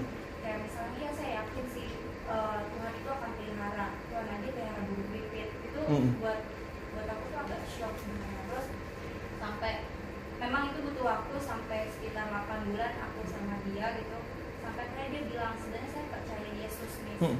udah uh, mati buat uh, semua orang berdosa tapi dia uh, akhirnya memutuskan untuk tidak jadi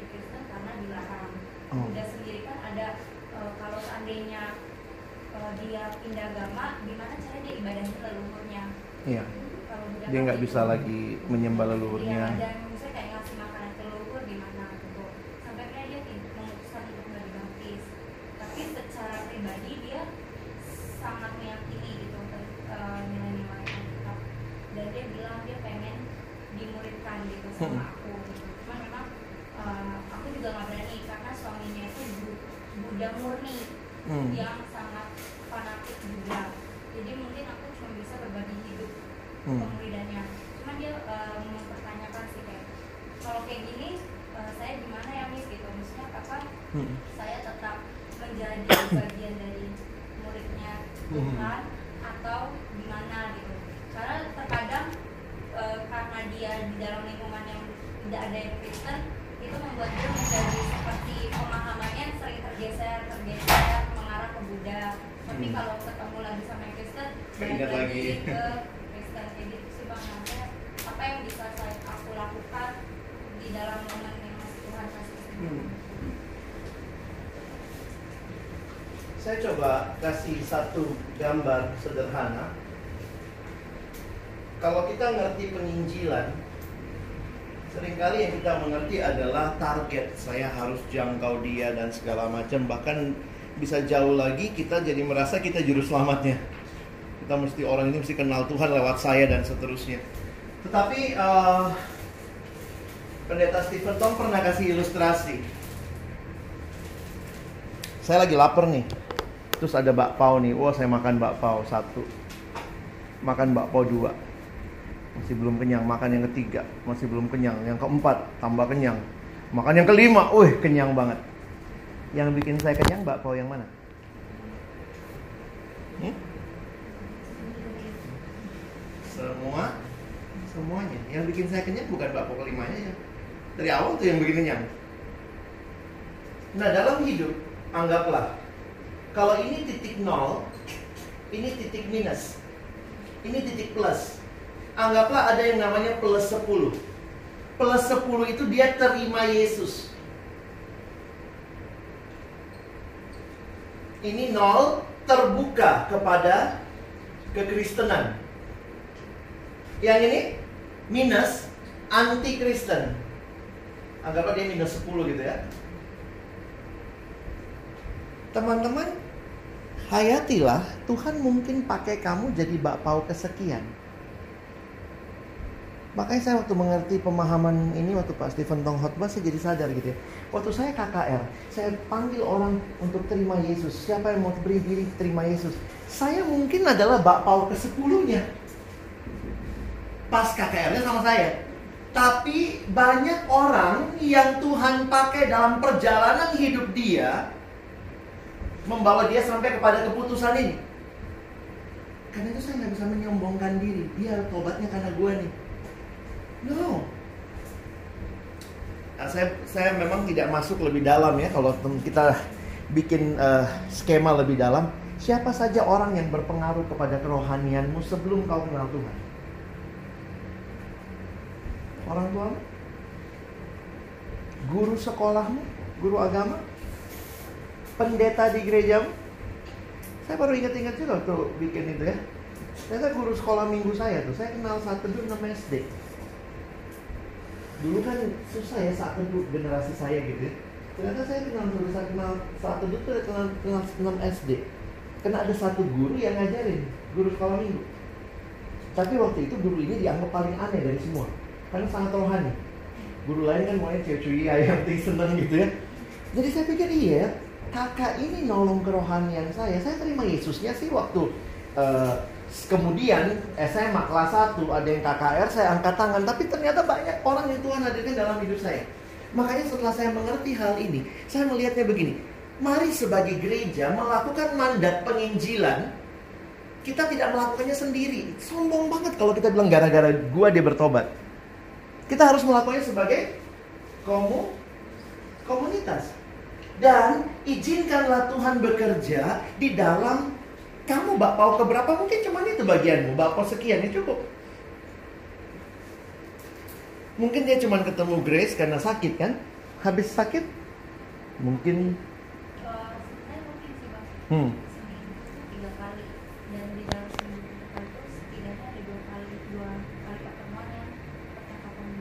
Hmm. Jadi kamu lebih punya kemungkinan. Tapi mungkin bagaimana dengan orang yang cuma kita temui sekali di bus? Jangan jangan berusaha jadi bapak ke 10. Terus kadang-kadang itu tuh karena ini juga kesulitannya ya. Hampir semua metode penginjilan itu ngajarin dari ceritanya sampai tantang. Mesti lu yang tantang. Kenapa? Tantang lah, nanti dia mati. Lah, kalau memang sih ya, mati itu nggak ada yang tahu ya.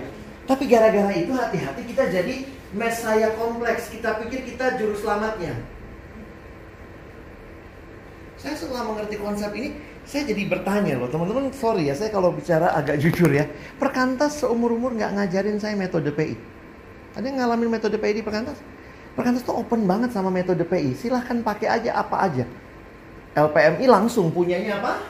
4 HR. Kita di Perkantas ya, kalau kalian memang dibina sama Perkantas, kayaknya jarang deh dikasih tahu. EE itu pun metode orang, kalau mau ikut ikut ke sono. Perkantas tuh kayak nggak punya metode. Tapi waktu saya pelajari lebih dalam, ternyata memang karena asumsinya adalah beban. Kamu punya seribu metode, nggak punya beban, boro-boro PI. Tapi kamu punya beban tanpa metode, kamu akan berjuang cari cara. Kalau ke anak kecil gimana caranya, kalau ke orang gede gimana caranya. Jadi saya, saya setelah mengerti ini saya tidak menolak metode. Tapi saya harus katakan bahwa metode atau beban jauh lebih penting daripada sekedar metode. Bahkan kita bisa pakai berbagai metode. Dan kalau kita melihat kita sebagai komunitas, mari, mungkin kalau kamu punya teman di kantor nih, minus 10 dia sama kita. Kristen babi. Kristen mesti dibunuh. Nah ini PI-nya gimana? Yakin nggak masuk surga kalau Yesus nanti? Astaga langsung ini. Gimana PI-nya sama mereka? Mungkin Nah ini dalam buku-buku sekarang ini disebut sebagai pra penginjilan.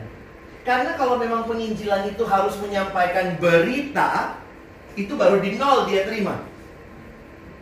Kalau dia masih minus 10. Belajar untuk terus menabur kebaikan. Ini satu waktu nih kalau Indonesia makin radikal, kita mungkin nggak bisa PI verbal lagi secara open, tapi kita tetap bisa menabur kebaikan. Nah, saya kasih contoh. Satu alumni cerita sama saya, iya bang, kami di kompleks. Saya bilang kalian Kristen banyak gak di kompleks? Bang, kami doang. Terus gimana ya? Gitulah bang, kita berusaha hidup baik lah. Kalau kami pergi ke mana-mana, pasti kami bawain makanan buat tetangga sebelah rumah. Terus gimana? Bang, abang tahu makanan yang kami kasih kadang-kadang kami ketemu di tempat sampah. Mereka pokoknya semua yang kita kasih kayaknya babi yang ngasih gitu ya. Babi nih udah dibuang. Terus saya bilang terus kamu gimana? Ya tetap ngasih aja bang. Belakangan sih mungkin nggak dibuang sih bang. Kita nggak lihat dibuangnya tapi mungkin dia buang di tempat lain gitu ya. Jadi tiap kali pulang dari mana ngasih pulang dari mana ngasih. Sampai satu waktu Tuhan izinkan ya malam-malam tetangganya ini butuh ke IGD sesak napas. Yang punya mobil yang rumah ini. Dibanguninlah tolong bawa ke IGD selamat pulang. Sejak itu berubah. Dia pindah dari minus 10 ke minus 9 belum langsung bilang oh Yesus Tuhan dari utama dia baru bilang gini ternyata nggak semua orang Kristen babi. Ya gitu. ternyata nggak semua orang Kristen jahat kenapa ini kan konsepnya semua orang Kristen jahat semua orang Kristen harus dibunuh dia berpindah nih enggak kok tidak ada ada orang Kristen yang baik. Nanti dia pindah lagi. Ih, orang Kristen yang baik tuh banyak kok. Minus 8. Nah, saya nggak tahu nih gimana sikap kita di kantor, di pekerjaan, dan orang tahu kita Kristen. Kira-kira orang makin makin deket nggak sama Tuhan secara skala? Atau karena kita juga di kantor, ada orang yang di kantor seneng ya dianggap Judas. Biar aja semua tahu gue Judas. Ya ampun Tuhan, saya pikir aduh kamu hambatan besar kepada kekristenan. Jadi poinnya adalah mari kita melihat di bagian kita masing-masing, kapasitas kita masing-masing mungkin tidak selamanya langsung bisa menyampaikan langsung, tapi Tuhan sedang pakai kita membawa orang berubah dari minus-minus ini makin mendekat, makin terbuka, akhirnya bisa cerita. Dalam cerita ini bisa kemudian mulai percaya, mulai berdoa, kadang-kadang mulai baca Alkitab sampai mungkin satu titik dia terima Yesus. Kita itu semua mau jadi Stephen Tong yang manggil orang. Siapa yang mau terima Yesus? Kita lupa bahwa tong-tong kecil juga butuh. Kadang-kadang kita suka lupakan bahwa ternyata bayangkan kalau kehadiran terang itu di banyak tempat memberikan terangnya, saya pikir orang makin ngerti gitu. Dan ini saya pikir jadi PR lebih sulit ya, apalagi dengan politik identitas kita. Natal mereka nggak mau masuk ke gereja. So, terdapat mungkin itu tempat yang najis. Ya kalau begitu satu-satunya kesempatan dia baca, bukan baca Alkitab, baca hidup kita. Baca kehadiran saudara dan saya di mana pun. Dan itu harusnya jadi jembatan-jembatan yang kita secara kreatif berkata, Tuhan pakai saya. Pakai saya. Bagaimana memuridkan? Kalau Grace punya kesempatan ya silakan. Mungkin kita memuridkan dengan hal-hal yang lebih mendasar. Kita pilih nih, kalau ternyata orang cuma punya waktu, jadi sebenarnya apa sih yang kau percaya? Bisa nggak jelaskan ke saya dalam lima menit? Kita coba tuh belajar untuk menjelaskan iman kita secara singkat, secara sederhana. Kalau dia mau tahu lebih mendalam, kita menyediakan diri dan seterusnya. Jadi saya pikir uh, fokus saya adalah sering kali kita sudah sangat berkarya, kita lupa bahwa bagian kita masih tetap penginjilan dan pemuridan. Bawa orang dekat kepada Tuhan, percaya kepada Tuhan sehingga dia tahu misinya, dia berbagian lagi dalam misi itu, terus bawa orang kepada Tuhan sehingga pelayanan kita dinamis bukan karena kayak tahap ya. Kadang-kadang orang bilang P1 waktu di kampus udah lewat, sekarang saya yang P4. P4 itu di bangsa. Bangsa. Jangan lupa loh, visi kita apa? jadi berkat di keluarga, gereja, masyarakat, bangsa, dan negara. Itu bukan tahapan. Di semua tempat itu kita mau hadir dan jadi berkat. Ada pertanyaan?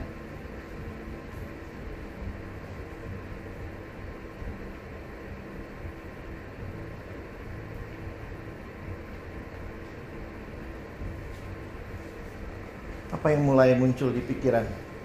Siapa di kantor ya yang bisa saya dekatin, saya doakan secara tulus. Berapa orang yang saya ketemu rutin? Tiap pas tiap ke kantor pasti saya lumayan rutin ketemu dia. Saya lumayan lama bisa ngobrol sama dia. Atau mungkin kita bilang wah saya di kantor susah bang. Orang udah kenal saya sebagai killer. Nah, sekarang mulai berubah ya jadi soft killer. Agak soft dikit gitu ya nanti lama-lama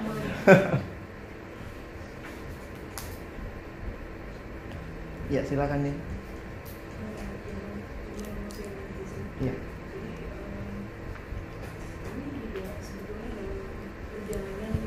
Hmm.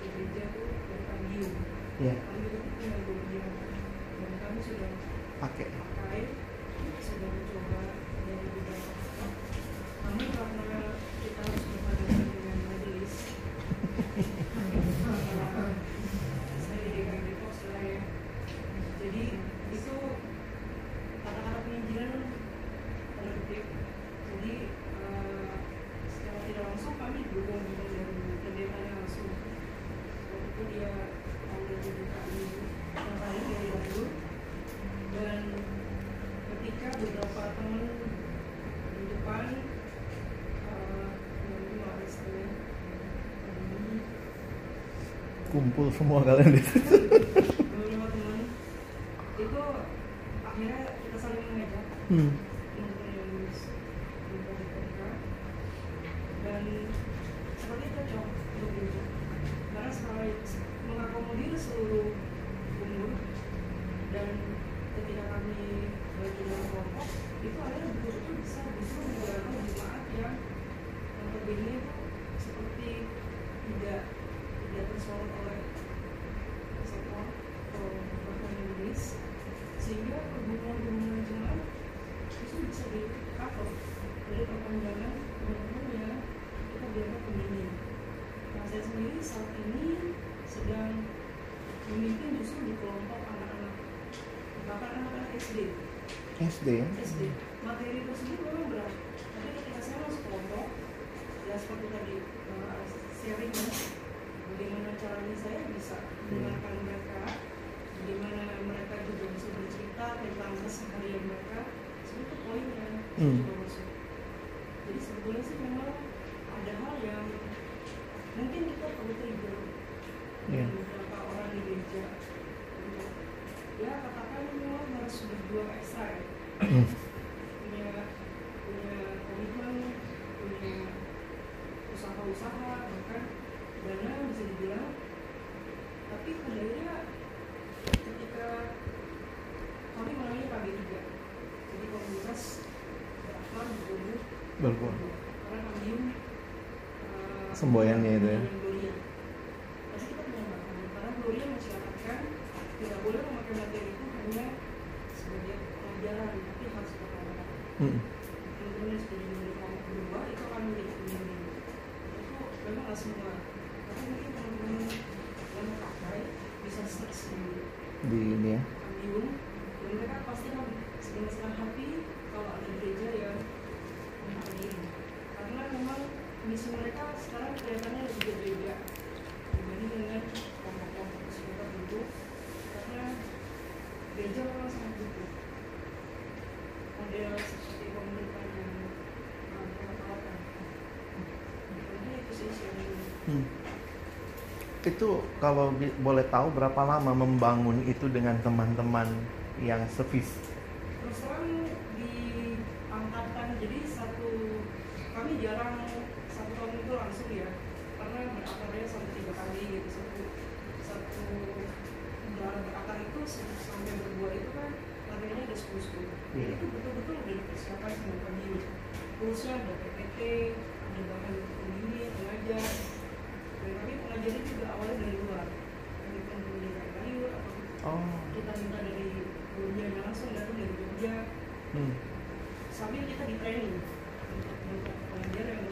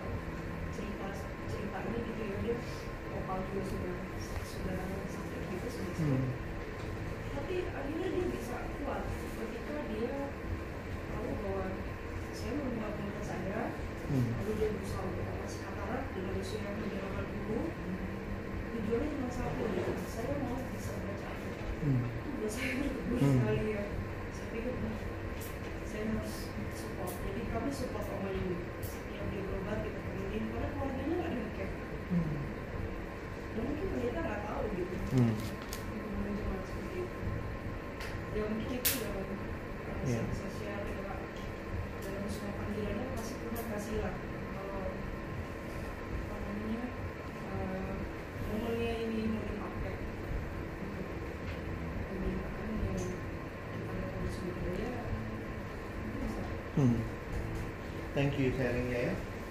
Jadi eh, Kak sharing tentang Cambium ini salah satu salah satu tools yang baik juga untuk pemuridan di gereja. Ber- Bersyukurnya sebenarnya Cambium ini yang bikin teman-teman kita juga Perkantas Jogja yang buat.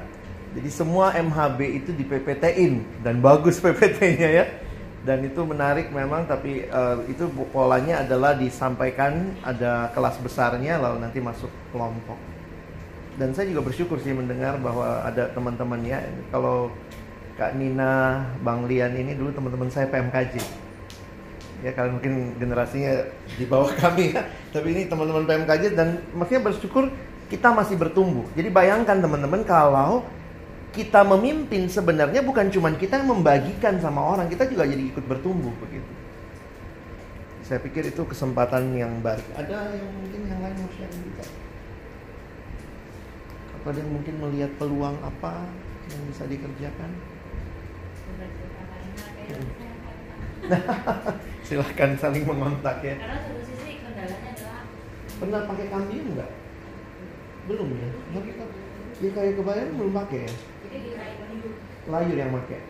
di KI kebayangan baru itu kita sebenarnya mau coba masukin. Cuman kan ada beberapa yang ada agak resisten kita mungkin harusnya bikin MHB nggak ada cap perkantasnya kali ya. itu mungkin gereja lebih terima ya. jadi kita lihat bahannya kelompok kecil terus saya rasa isinya Hmm. ini ngambang banget tapi mau nggak mau harus itu yang Iya, yang dipakai ya. jadi memang kelihatan lima kelompok adiknya jadi lama sekali Hmm. lalu kayaknya dia dia apalagi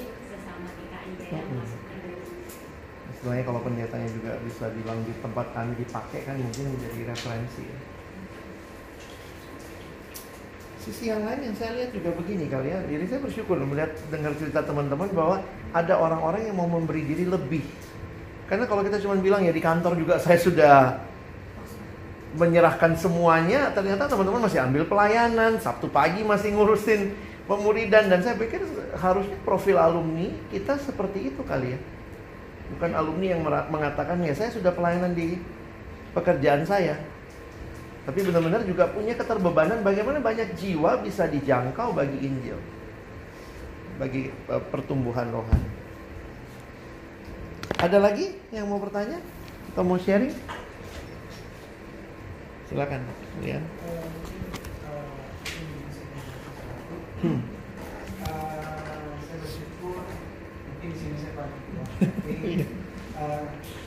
Juga saya melayani komunitas yang paling kecil dari kita Hmm. syukur kalau teman-teman juga masuk di Eh, yang ingin saya sharingkan adalah eh, saya juga mengalami kesulitan untuk mengkomunikasikan pikiran saya, gaya saya kepada anak-anak dari tamu. Hmm. Eh, sungguh stres yang luar biasa dari kelas media lalu ke pratama yang lebih kecil lagi lalu yang ke kelas yang lebih kecil. Karena kalau kelas yang kecil itu kan riuh ya. Sini mau didengar sini mau didengar sini mau didengar. Terus kapan saya ngomong? Jadi eh, yang satu hal eh, saya saya sangat terberkati eh, bahwa eh, ini memang kalau pelayanan sekolah minggu saya pelayanan di gereja juga nah, pelayanan sekolah minggu itu banyak banyak kutip orang yang dewasa rohani tinggalkan Hmm. Eh, lebih suka yang seumuran sekomunitas gitu. Hmm. sedangkan saya nggak menemukan teman-teman yang eh, se- sepikir sekomunitas di gereja dan di sana sampai-sampai ya maaf, mohon maaf kalau di level majelis saya berani saya berani berantem eh, pokoknya anggaran untuk sekolah minggu nggak boleh dikurangi. Hmm. segala sesuatu sekolah minggu harus tinggi prioritasnya kenapa? Karena memang eh, kalau kita kebanyakan berpikir untuk level kita loh, terus siapa yang mikirin level di bawah gitu? Yang generasi eh, penerus teman-teman mungkin yang ingin saya sharingkan satu hal bahwa dalam kita melayani kita perlu eh, melumer dalam arti positif gitu Eh, jangan kita resisten dengan ah eh, masa sih level gue? Harus downgrade gitu kan. Eh, mungkin beberapa teman di sini yang pernah jadi panitia PTA tahu lah saya seperti apa tadi bang bang Alex juga. Kami satu angkatan dulu di tahun 90 awal. Wow, jadi malu disebut tahunnya. Nin disebut Nin. ya, eh, kita harus mudah untuk melumer dan tidak resisten untuk sesuatu yang baru. Kemudian juga kita harus mudah beradaptasi gitu. Jangan kita merasa nyaman. Oh Tuhan sudah panggil saya di, di alumni, panggil saya di siswa, panggil saya di mahasiswa, panggil saya juga ternyata kan mau panggil ke tempat lain. dan saya bersyukur di kantor sekarang teman-teman sudah tahu pak hari eh, ini hari Rabu Hmm. apa belajar nggak gitu jadi Oh. teman-teman di kantor jadi eh, saya punya teman kerja eh, di sini ada lima orang cuma di tempat itu tiga empat orang satu ruangan pak mau belajar nggak gitu saya jadi saya lima tahun di kantor sebelah saya nggak pernah ikut kelas ini tapi dua bulan saya di kantor sebelah saya Mhm. berpindah eh, puji Tuhan eh, terlibat di kelas ini teman-teman eh, agar kita bisa bisa bermisi dengan tulus ya kita harus mulai beradaptasi Hmm. dalam arti jangan resisten untuk sesuatu yang membuat kita tidak nyaman dan saya bersyukur untuk komunitas seperti ini. Eh, saya, saya bersyukur meskipun kurang mendapat dukungan dari gereja yang yang sevisi gitu namun saya dapatkan dari eh, Hmm. dari, tempat-tempat lain. Dan juga dari ya dari buku-buku yang ditawarin eh, perkantas kepada saya oh ada bagus gitu. Dan itu menjadi konsumsi di luar di luar eh, yang membuat saya kuat untuk masuk ke pelayanan yang yang tidak banyak orang yang suka di sana. Jadi mungkin dua hal. Satu Hmm. kita mudah harus mudah untuk mudah dalam arti positif dan juga kita harus mudah beradaptasi tidak tidak terlalu resisten. Thank you sharingnya Bang Lian. Ada lagi? Kalau ada yang mungkin punya pengalaman di tempat yang lain berkarya? Ya, silakan Mei. Jadi akan dari lulus dari kampus tuh tiga tahun yang lalu. Terus setelah lulus itu sebenarnya emang punya eh, beban yang besar sih buat kembali ke gereja asal di GKI juga. Tuh, nanti GKI kayaknya bisa kumpul bikin grup di sana ya di pojok ya. Sinode. Iya. Eh, punya beban yang besar buat bangun pelayanan pemuda remaja bilang jebolannya remaja di gereja sendiri. Dan aku tahu sendiri kualitasku dan teman-teman sangkatan itu tuh kayak gimana gitu. Aku bahkan baru Hmm. bisa bilang bertobat tuh setelah ikut PMK gitu di kampus. Nah terus eh, pas awal-awal aku balik ke gereja setelah kuliah itu eh, gak banyak sih hal yang bisa aku lakukan gitu. Ya masih anak muda gitu. Bisa Hmm. melakukan apa-apa itu udah lama gak kelihatan di gereja gara pas di kampus kan kos dulu kan. Terus eh, aku akhirnya pas balik lagi eh, mulai mulai perlahan demi perlahan sih. Maksudnya eh, harus belajar untuk rendah hati juga. Eh, gimana eh, dianggap kayak gak tahu apa-apa gitu. Kayak gak tahu apa-apa lagi belajar dari awal lagi MHB belajar dari awal lagi gitu. Syukurnya eh, pas aku balik ke gereja itu ada hamba Tuhan yang baru masuk ke gereja juga dan dia concern dengan pemuritan banget gitu.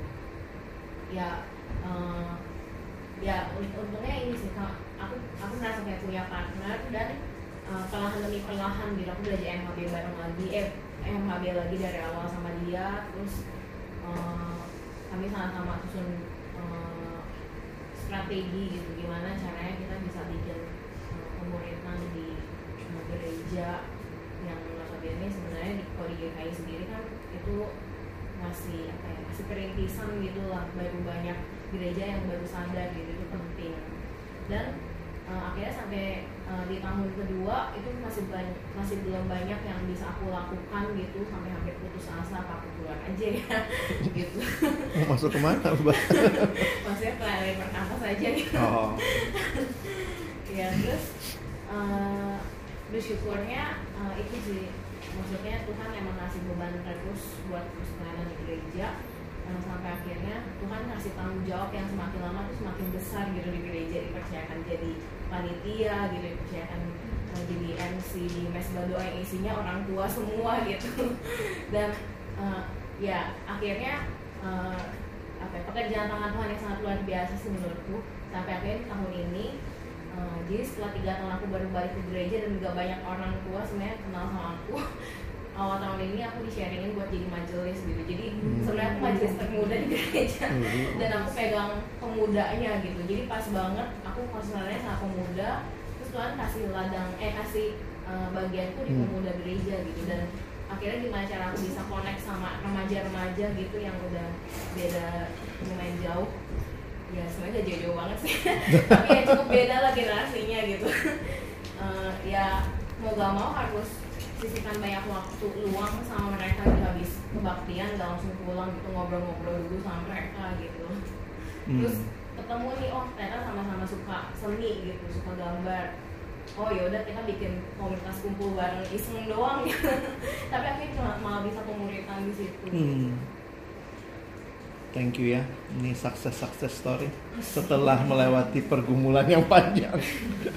Kadang saya pikir eh, ya pasti semua kita punya cerita ya dengan pergumulan kita juga termasuk tidak mudah sering kali di gereja asal kita. Tapi saya pikir di situ juga komunitas yang mungkin juga sangat sedikit dengar Injil kali ya. Kalau kita balik kepada eh, gereja udah mulai sibuk sama organisasi, tidak sibuk bangun murid, lebih sibuk bangun gedung. Kalau bangun gedung kayaknya semangat, kalau datang rutin pembinaan kayaknya melempem gitu. Tapi kita jadi orang-orang yang perlu hadir di sana. Nah, saya mendorong teman-teman, mungkin fokus saya malam ini mendorongnya dua kali ya. Yang pertama tadi, jangan lupa di tempat pekerjaan kita itu juga tempat di mana saudara bisa menginjili dan memuridkan secara sederhana secara istilah Bang Lian tadi secara lumer begitu ya bisa masuk ke semua bagian saya kagum juga dengan beberapa orang yang malah deketnya sama office boy misalnya gitu ya. Karena mungkin ada yang merasa kayaknya ngapain ngobrol? Kayaknya saya S2 loh nggak nyambung dong gitu ya. Tapi ternyata cara Tuhan untuk menyentuh hidup orang tuh Tuhan bisa pakai kita. Mungkin saudara cuma bakal kesekian gitu ya. Lalu yang kedua dari cerita-cerita di gereja mungkin juga ini jadi bagian yang saudara dan saya harus pikirkan mendalam. Bagaimana kita hadir di sana, kita jadi orang-orang yang Tuhan pakai membawa Injilnya di gereja kita sendiri. Saya tutup dengan satu sharing. Saya lagi baca buku ini, ini buku baru terbit minggu lalu kira-kira. Saya beli uh, Kindle-nya. Ini bukunya judulnya The Passion Generation ditulis oleh seorang hamba Tuhan yang masih muda dari generasi milenial namanya Grant Skeldon. Grant Skeldon sekarang umur berapa tadi nih? Baru umur 28. Nah dia tulis buku ini sebenarnya dalam kaitan eh, sebagai milenial inilah jeritan hati mereka. Nah lalu kemudian dia salah satu eh, sharingnya dia bilang kayaknya agak fed up khususnya di Amerika agak capek dengan orang yang meng- menggolong-golongkan generasi. Apalagi orang-orang tua yang sering kali ngomong, wah milenial ini di mereka dianalisa, diteliti, lalu kemudian kesimpulannya susah banget dijangkau. Tapi kemudian dari pengalaman dia, dia cerita di bagian awal bukunya ada banyak muka orang dia taruh.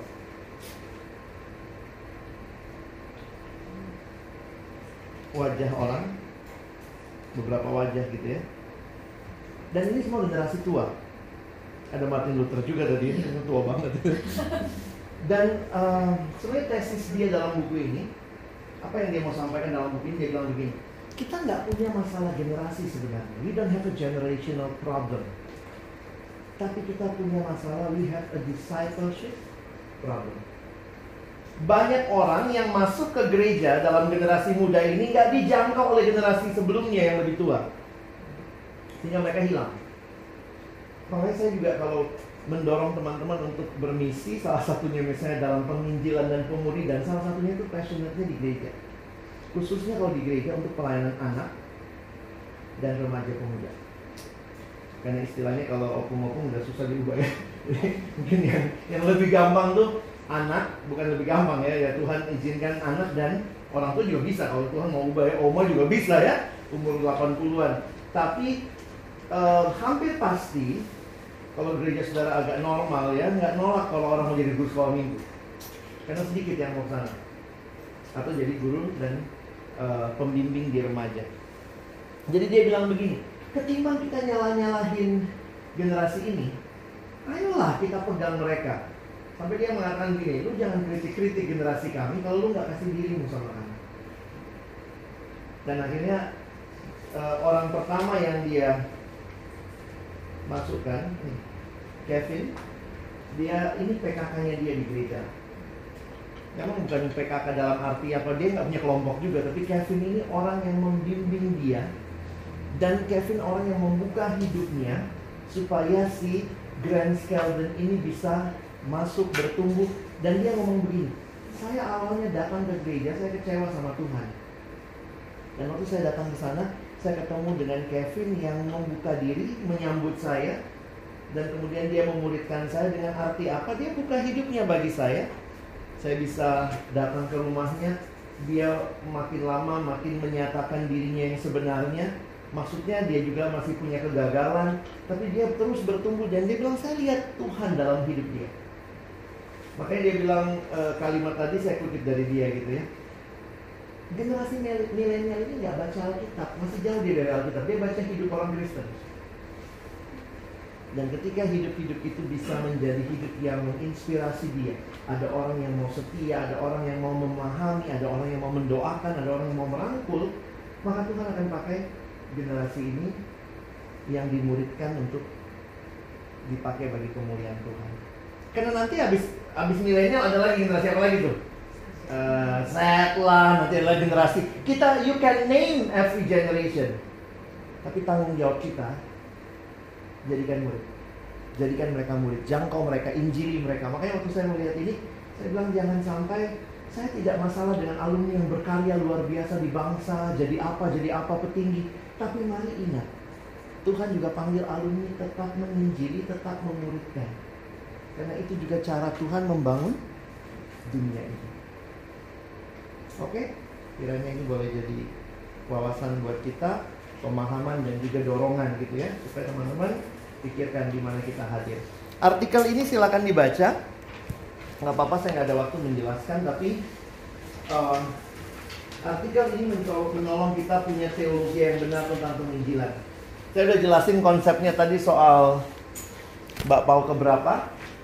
Nah, dia mengkritisi beberapa metode yang sibuk dengan target. Berapa yang di PI, berapa orang.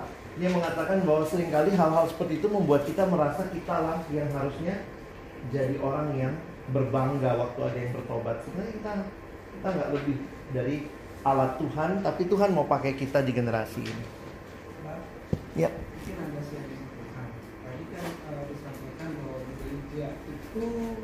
akan mudah eh, menerima eh, siapa yang mengajar Tuhan. Ya. Mungkin lebih mudah, belum tentu ya. Mungkin lebih mudah.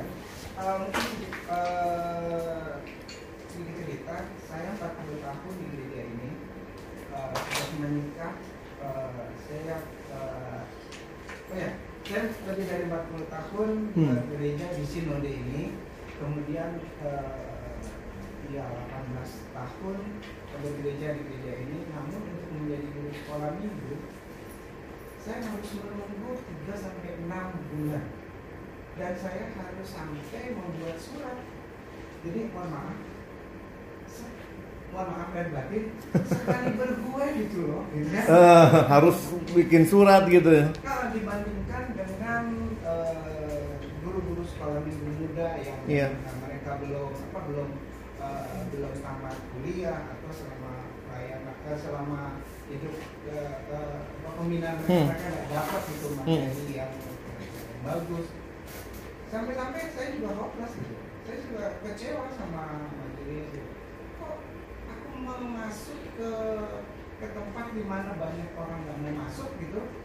Eh dipersulit. Akhirnya ya saya pakai apa pakai pakai pakai kuasaku gitu karena secara sinode aku sebagai apa sebagai evangelis jadi saya pakai kuasaku itu untuk naik ke level Hmm. tinggi dan eh, akhirnya saya bisa mengajar di sekolah minggu jadi eh, teman-teman yang ingin saya sampaikan adalah eh, bisa saja kita punya kemampuan banyak gitu dalam Iya. pelayanan atau ya top lah gitu namun waktu kita mau masuk ke satu satu ladang Injil gitu kita mau memberitakan Injil yang yang yang murni yang ber- yang berkualitas bisa aja ternyata di pekerja-pekerja di ladang Injil itu eh, resisten gitu. Oh Hmm. jangan-jangan gitu jangan-jangan.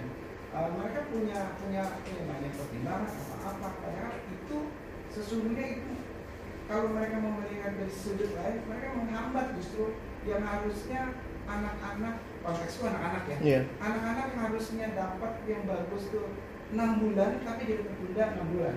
Jadi uh, melalui hal ini juga agar kita tidak tidak putus asa.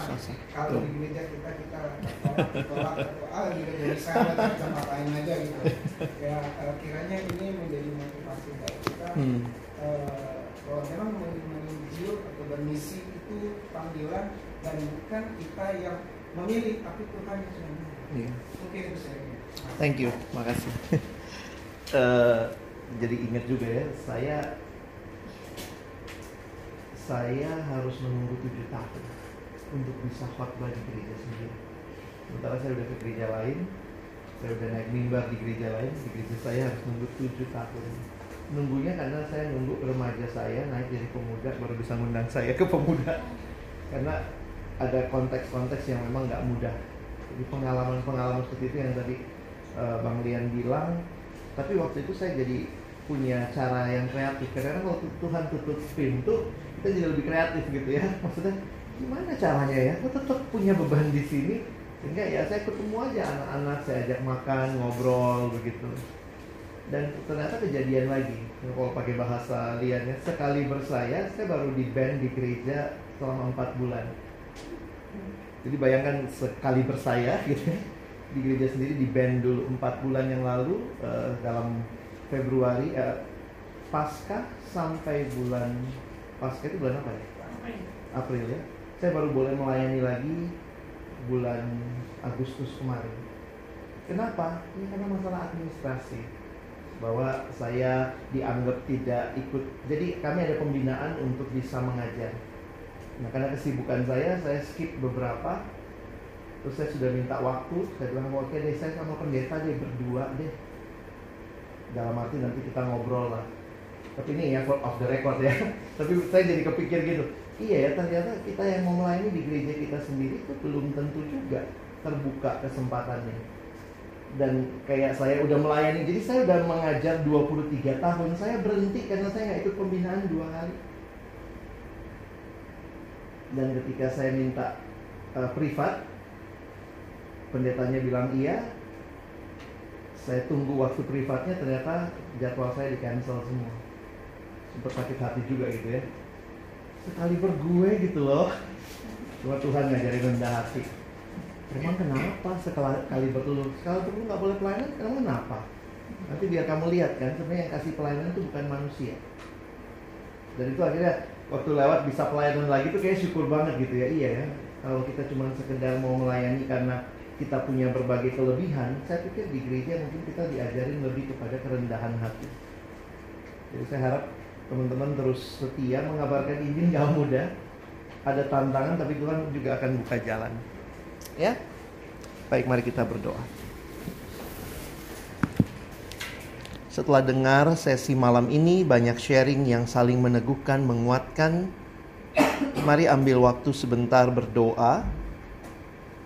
Di mana Tuhan panggil saudara sebagai alumni, terus memberitakan Injil, terus memuridkan, berkarya di dalam dunia milik Allah. Mari ambil waktu meresponi secara pribadi dalam doa kita.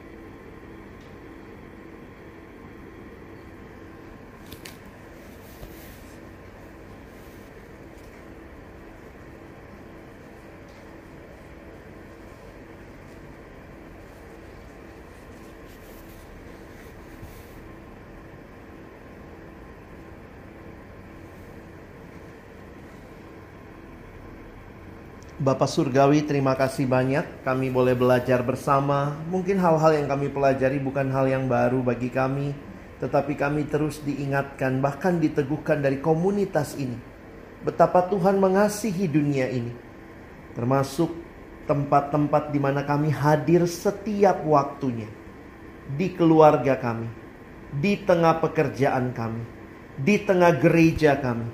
Ingatkan kami terus kami harus jadi saksi Tuhan yang hidup di sana.